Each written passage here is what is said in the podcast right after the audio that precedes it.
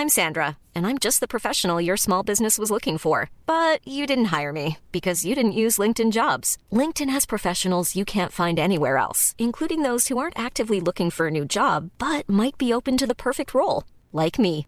In a given month, over 70% of LinkedIn users don't visit other leading job sites. So if you're not looking on LinkedIn, you'll miss out on great candidates like Sandra. Start hiring professionals like a professional. Post your free job on linkedin.com/people today. Quality sleep is essential. That's why the Sleep Number Smart Bed is designed for your ever-evolving sleep needs. Need a bed that's firmer or softer on either side? Helps you sleep at a comfortable temperature? Sleep Number Smart Beds let you individualize your comfort so you sleep better together. JD Power ranks Sleep Number number 1 in customer satisfaction with mattresses purchased in-store. And now save 40% on the Sleep Number limited edition Smart Bed for a limited time. For JD Power 2023 award information, visit jdpower.com/awards. Only at Sleep Number stores or sleepnumber.com. Administrerende direktør i Boligprodusentene, Per Jæger. eh, Dere la frem tall for andre kvartal og første halvår 2020. En periode som har vært sterkt preget av korona, også nedstengning av eh, Norge. Hva er de største forskjellene hvis du sammenligner med første halvår eh, 2019? Ja, Det er jo at vi har hatt eh, korona veldig sterkt i, i bildet. Og vi har hatt eh, folk som har vært veldig bekymra for sin egen eh, situasjon. Og Det gjør at du blir nervøs for å kjøpe bolig. Og så er det jo mange som har mista jobben sin. Og Mister man jobben så, eller er permittert, så stopper man kanskje en prosess på det. Og Vi har jo derfor hatt en god del kanselleringer og utsettelse av kontrakter for at man er, man er bekymra i situasjonen. Vi ser at antall solgte nyboliger var rekordlavt i andre kvartal. Er det en bekymringsfull utvikling? Ja, vi, vi må jo ha noe salg for å kunne bygge noe. Og Det er jo det som er si, styrken i Norge, at vi hele tida har en situasjon som gjør at vi har folk som eh, kjøper boliger av oss. Fordi at da kan vi bygge boliger. Og vi må jo ha for de som er på leiligheter, som de fleste i Oslo-området er opptatt av, så må du ha et salg på 50-70% før du kan starte noe som helst. Og Derfor så får du heller ikke tomme husblokker som eh, du ikke har fått solgt. Eh, Men eh, vi ser jo at det er store forskjeller på nyboligsalget kontra bruktboligmarkedet. Har du noen kommentar til det? Ja, altså De som da skal, vi si, skal starte helt fra scratch, eh, altså et prosjekt som du skal da begynne et salg på, nylig prosjekt lagt ut, så tar det jo tid før det vil bli bygd. En blokk tar det to år å bygge. Og hvis det da tar et år eller et halvt år å få nok eh, folk som skal eh, ha kjøpt, ja så er venter du på to og et halvt år. Men hvis du er innafor eh, trenger en bolig nå, så eh, er jo det i bruktmarkedet det stedet hvor du raskt kan få en ny bolig. Ja. Derfor så tar det lengre tid. Men eh, hva, hva ser du på som de største usikkerhetsmomentene, eller hva er det som vil bli avgjørende for hvordan ting vil utvikle seg fremover nå?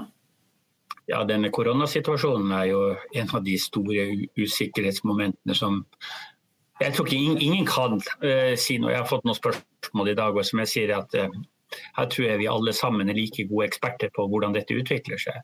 Det som er forskjellen fra mars og til nå, er jo at vi har gode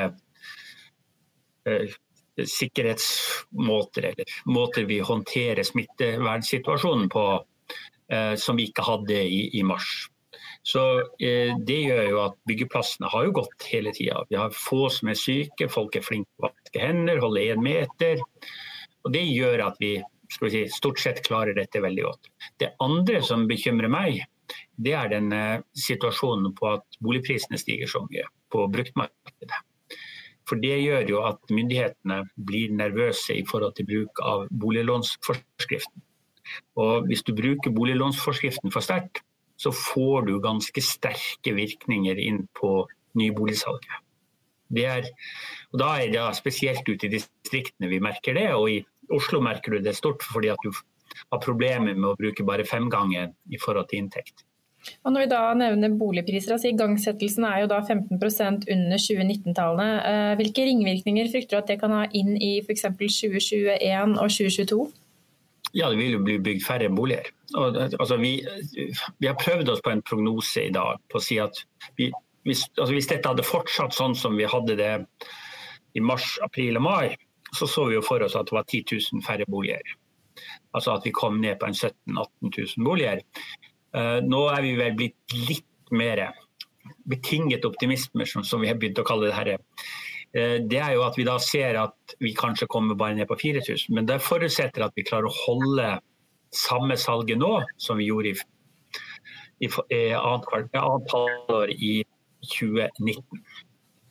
Og det er jo ikke sikkert. Altså, hvordan, hvordan vil denne koronasituasjonen påvirke oss? Vi har jo hørt mange spå at boligprisene vil eh, få en rekyl opp i 2021-2022. Eh, er det mer eller mindre sannsynlig nå, tenker du? Altså Rekyl, da tenker du oppover? Eller nedover, ja. Oppover, ja. Ja, oppover. Eh, og da, ja, jeg tror det, det er riktig. Altså, vi ser jo at Oslo har jo en uh, reguleringstakt nå på ca. 1000 på halvåret. Altså 2000. Og hittil så har vi sagt at Oslo trenger ca. 5000 nye boliger. Så hvis ikke det gir uh, prisvekst, så vet ikke jeg. Altså, jeg tror jo fortsatt at hvis du får for lite inn i et marked, så går prisen opp. Men det er bare kanskje jeg som en skarve jurist som tror det altså, så, eh, disse økonomene har iallfall ikke tro på det, for de tror på at alt mulig annet er årsak til at prisene går opp. Jeg tror fortsatt at det har noe med tilbud og etterspørsel hvor mye kan prisene eventuelt gå? Det vil jo kanskje bli mer press i storbyer som f.eks. Oslo. Kan vi komme til å se 2016-tendenser igjen? Ja, det kan fort hende hvis vi får så lite. Men det er jo ikke sikkert at det kommer i 2021. Det kan godt komme i 2023-2024. Altså, det er så mange andre ting som spiller inn i forhold til hvordan et, en, en prismekanisme er. Men får du underskudd i et marked over tid, så er det vanskelig. Men, men det du så i uh, 2016-2017, så var det jo at man skal si, starta på å selge prosjekter som var veldig lite klare for å gå ut i markedet. Men prisene ble så sterke at man fikk da en si, prisdempende effekt. Men det som man skal huske var jo at man bare kom opp i, i Oslo eh, på det nivået som man skulle for å kunne dekke etterspørselen. Og Det samme gjorde man i Akershus. Mens nå faller både Akershus og Oslo. Og Hvis ikke det fører til høyere pris, så vet ikke jeg. Men Jeg har tatt feil mange ganger før og kommer sikkert til å gjøre det framover. Men jeg tror nå fortsatt på at får du for lite boliger ut, hvis vi ikke får da en masse død eller masse engstelse eller masse psykoser inn i dette som gjør at folk ikke flytter til Oslo, ikke gjør den type ting.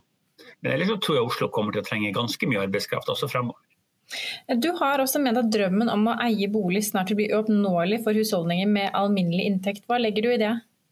Ja, Prisene kommer til å bli så høye at uh, det er kun de som har rike mammaer og pappaer eller onkler og tanter eller besteforeldre som klarer å komme inn. Fordi at Hvis du har 500 000 med en gjennomsnittsinntekt i Norge i dag, så kan du i hvert fall ikke kjøpe ny bolig i Oslo hvis du ikke har noen andre som hjelper deg. Det er nesten ikke boliger som eh, ligger på litt over, eller under 3 millioner kroner i Oslo.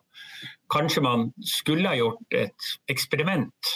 Det var jo også å si at nå bygger vi i ett eller to år så mye småleiligheter vi bare klarer for at eh, folk har et sted å komme inn i. Og så si at det, det er der vi ønsker at alle skal eh, gå inn. Kanskje hadde det skjedd noe i eh, prismarkedet da. Takk for at du hadde tid til en prat med oss i dag. A lot can happen in three years, like a chatbot may be your new best friend. But what won't change? Needing health insurance. United Healthcare Tri Term Medical Plans, underwritten by Golden Rule Insurance Company, offer flexible, budget friendly coverage that lasts nearly three years in some states. Learn more at uh1.com. Hi, I'm Daniel, founder of Pretty Litter. Cats and cat owners deserve better than any old fashioned litter. That's why I teamed up with scientists and veterinarians to create Pretty Litter. Its innovative crystal formula has superior odor control and weighs up to 80% less than clay litter. Pretty Litter even monitors health by changing colors to help detect early signs of potential illness. It's the world's smartest kitty litter. Go to prettylitter.com and use code ACAST for 20% off your first order and a free cat toy. Terms and conditions apply. See site for details. Hey, it's Paige DeSorbo from Giggly Squad. High quality fashion without the price tag? Say hello to Quince. I'm snagging high end essentials like cozy cashmere sweaters, sleek leather jackets, fine jewelry, and so much more. With Quince being 50 to 80% less than similar brands And they partner with factories that prioritize safe, ethical, and responsible manufacturing. I love that. Luxury quality within reach. Go to quince.com slash style to get free shipping and 365 day returns on your next order. Quince.com slash style. Økonominyhetene er en podkast fra Finansavisen. Programledere er Marius Lorentzen, Stein Ove Haugen og Benedikte Storm Bamvik. Produsenter er Lars Brenden Skram og Bashar Johar. Og ansvarlig redaktør er Trygve Hegnar.